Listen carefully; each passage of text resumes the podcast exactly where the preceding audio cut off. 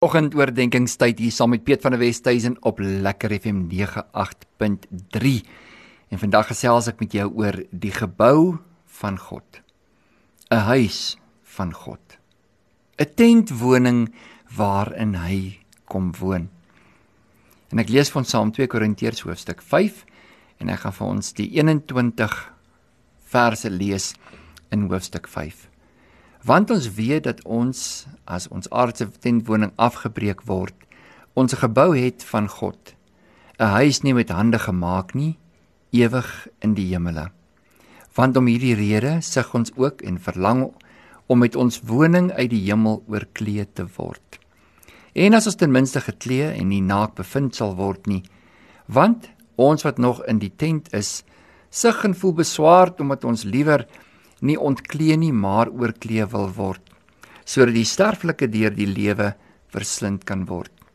Maar hy wat ons juis hiervoor toeberei het, is God, wat ons ook die Gees as onderpand gegee het. Daarom het ons altyd goeie moed en weet dat ons as ons in die liggaam inwoon, ons van die Here uitwoon. Want ons wandel deur geloof en nie deur aanskouing nie maar ons het goeie moed en verkies om liewer uit die liggaam uit te woon en by die Here in te woon. Daarom lê ons ook ons ywerig daarop toe of ons inwoon of uitwoon om hom welbehaaglik te wees. Want ons moet almal voor die regterstoel van Christus verskyn sodat elkeen kan ontvang wat hy deur die liggaam verrig het volgens wat hy gedoen het of dit goed is of kwaad. En dan die bediening van die versoening vers 11 omdat ons dan die vlees en die vrees van die Here ken probeer ons om die mense te oortuig. Maar voor God is ons openbaar en ek hoop om ook in julle gewetens openbaar te wees. Want ons beveel ons nie weer by julle aan nie maar ons gee hulle aanleiding tot roem oor ons sodat julle iets kan hê teenoor die wat hulle op die uiterlike beroem en nie op die hart nie want as ons uitsinnig is, is dit tot eer van God. En as ons by ons verstand is, is dit om julle ontwil. Want die liefde van Christus dring ons omdat ons van oordeel is dat as een vir almal gesterf het, hulle dan almal gesterf het en hy het vir almal gesterwe sodat die wat lewe nie meer vir hulle self moet lewe nie maar vir hom wat vir hulle gesterf het en opgewek is Ons ken dus van nou af niemand meer na die vlees nie. En al het ons ook Christus na die vlees geken, nou ken ons hom tog nie meer so nie. Daarom as iemand in Christus is, is hy 'n nuwe skepsel. Die ou ding het verbygegaan. Kyk, dit het alles nuut geword. En dit alles is uit God wat ons met homself versoen het en deur Jesus Christus en ons die bediening van die versoening gegee het naamlik dat God in Christus die wêreld met homself versoen het deur hulle hul misdade nie toe te reken nie en die woord van die versoening aan ons toe te vertrou. Ons tree dan op as gesande om Christus wil omdat God deur ons vermaan. Ons bid julle om Christus wil laat julle met God versoen want hy het hom wat geen sonde geken het nie sonde vir ons gemaak sodat ons kan geregtigheid word van God in hom. 21 verse. Die apostel Paulus wat besig is om 'n gedagte van die vleeswording van Christus in my in jou vlees te verduidelik. Ons hoor so baie keer mense praat van ek is die liggaam van Christus. Ja, gesamentlik is ons die liggaam. Elkeen sy deel. Ek is so dankbaar As ek kyk na my liggaam, dan het ek 'n wysvinger wat al vir die laaste 50 plus jaar hier saam met my nog steeds is.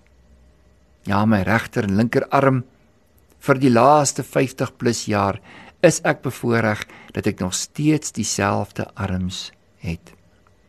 Kan jy dink hoe miserabel dit sal wees as jy elke ander week 'n ander vinger moet hê of 'n ander oor of 'n ander oog? Of 'n ander voet ewe skielik, dan loop jy binne toe, dan loop jy buitekant toe. Dan is die een voet groter as die ander ene. Dan het jy skete en pynne wat jy vroeër nie gehad het nie. Baie keer is ons as liggaamsdele ook so. Ons bly nie by dit waar God ons verbind het nie.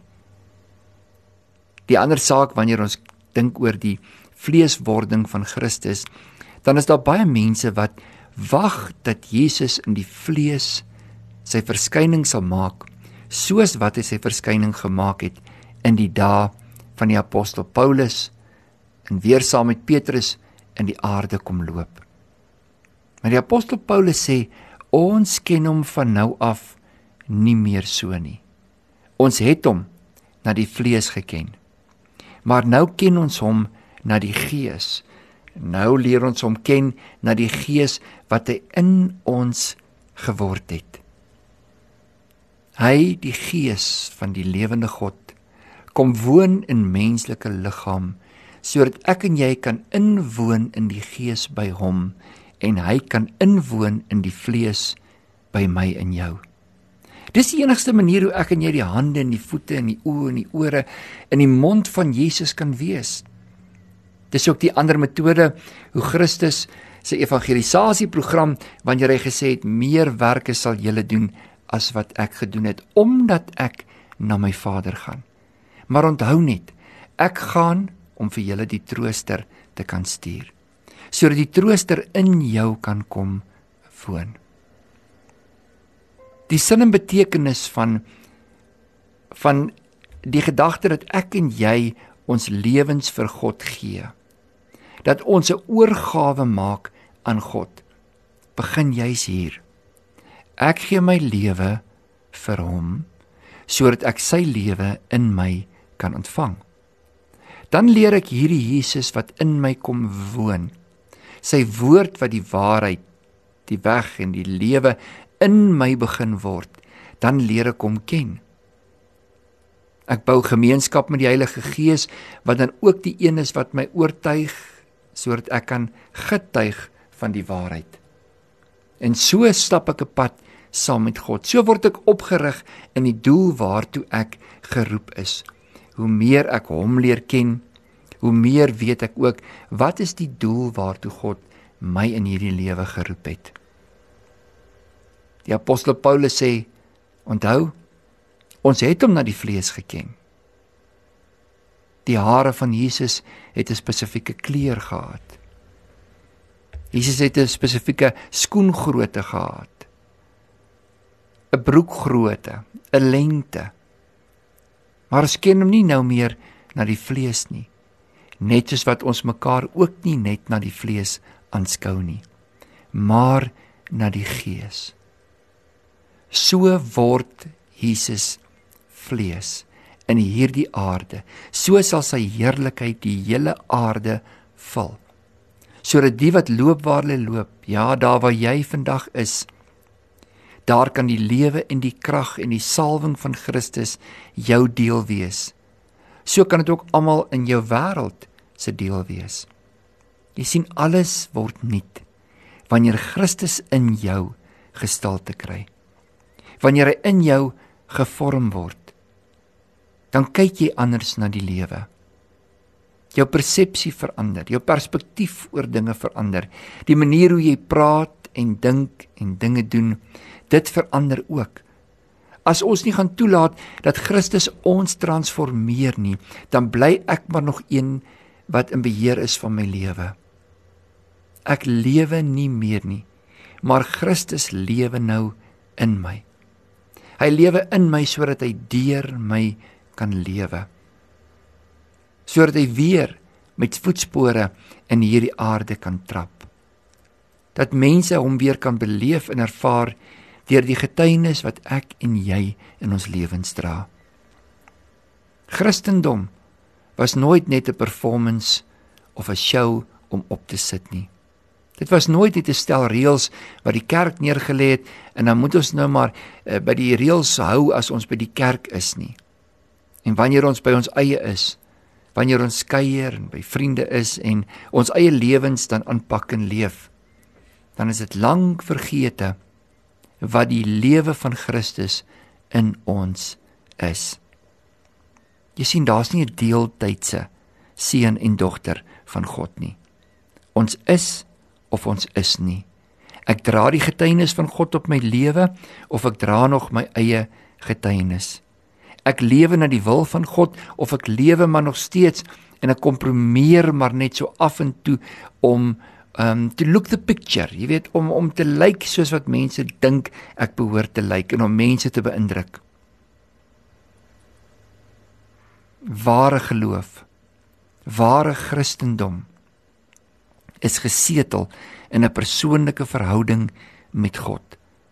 Om karakter en integriteit uit te leef terwyl jy en God alleen wandel. Dat jy op die stilste plek daar waar niks beweeg nie, saam met hom kan sit en kan weet dat jy gemeenskap het met God dat jy opreg en deursigtig is met hom. Dat hy is wat in jou wil om te wil en te werk na sy welbehae. Ek is 'n nuwe skepsel. Ek het nuut geword omdat ek my lewe aan Christus oorgegee het. Dit gaan nie nou meer oor my ambisie nie. Ek het nie net meer 'n agenda waarvolgens ek lewe nie. Ek soek sy wil. Ek soek sy geregtigheid. Wat sê die woord? Soek alle eers sy geregtigheid, nee, sy koninkryk. En al die ander dinge sal by jou lewe bygevoeg word. En daardie koninkryk, dit is die geregtigheid. Dit is die vrede. Dit is die blydskap van die Heilige Gees. Soek allereers sy koninkryk van alles wat jy in die lewe kan soek, van alles waarin jy wil werk, alles wat jy wil hê moet reg wees. Maak seker dat die koninkryk van God in jou lewe kan kom. Jy weet mos jy's 'n tempel van die Heilige Gees. Jy weet mos dat Jesus gesê het dat sy koninkryk is in ons. En soos wat sy koninkryk in my en jou vorming aanneem, So begin ons instrumente en werktuie te wees in die koninkryk. Daarom is dit nie 'n moeite om 'n getuienis te hê nie. Dis nie 'n las nie. Dit is net 'n uitloop, dis 'n uitvloeisel, dit is 'n gevolg van hierdie verhouding wat ek met hom het, hierdie oorgawe wat ek maak aan die woord, dat ek die vlees elke dag kruisig, dat ek elke dag net weer vir my gees die reg gee om die oorhand in my lewe te kan hê. Dat ek nie die kat rondswaai aan sy stert nie maar dat my gees altyd dominant oor my vlees sal wees. Dat my vlees en my gedagtes en emosies nie my gees sal dikteer nie. Die woord is die waarheid. Ek bly by die waarheid sodat God verheerlik kan word deur my lewe. Vir elke vraagstuk vir elke onsekerheid vir elke probleemgeval wat ek in my lewe het is daar 'n duidelike skrif en woord wat God vir my wil kom aanbied.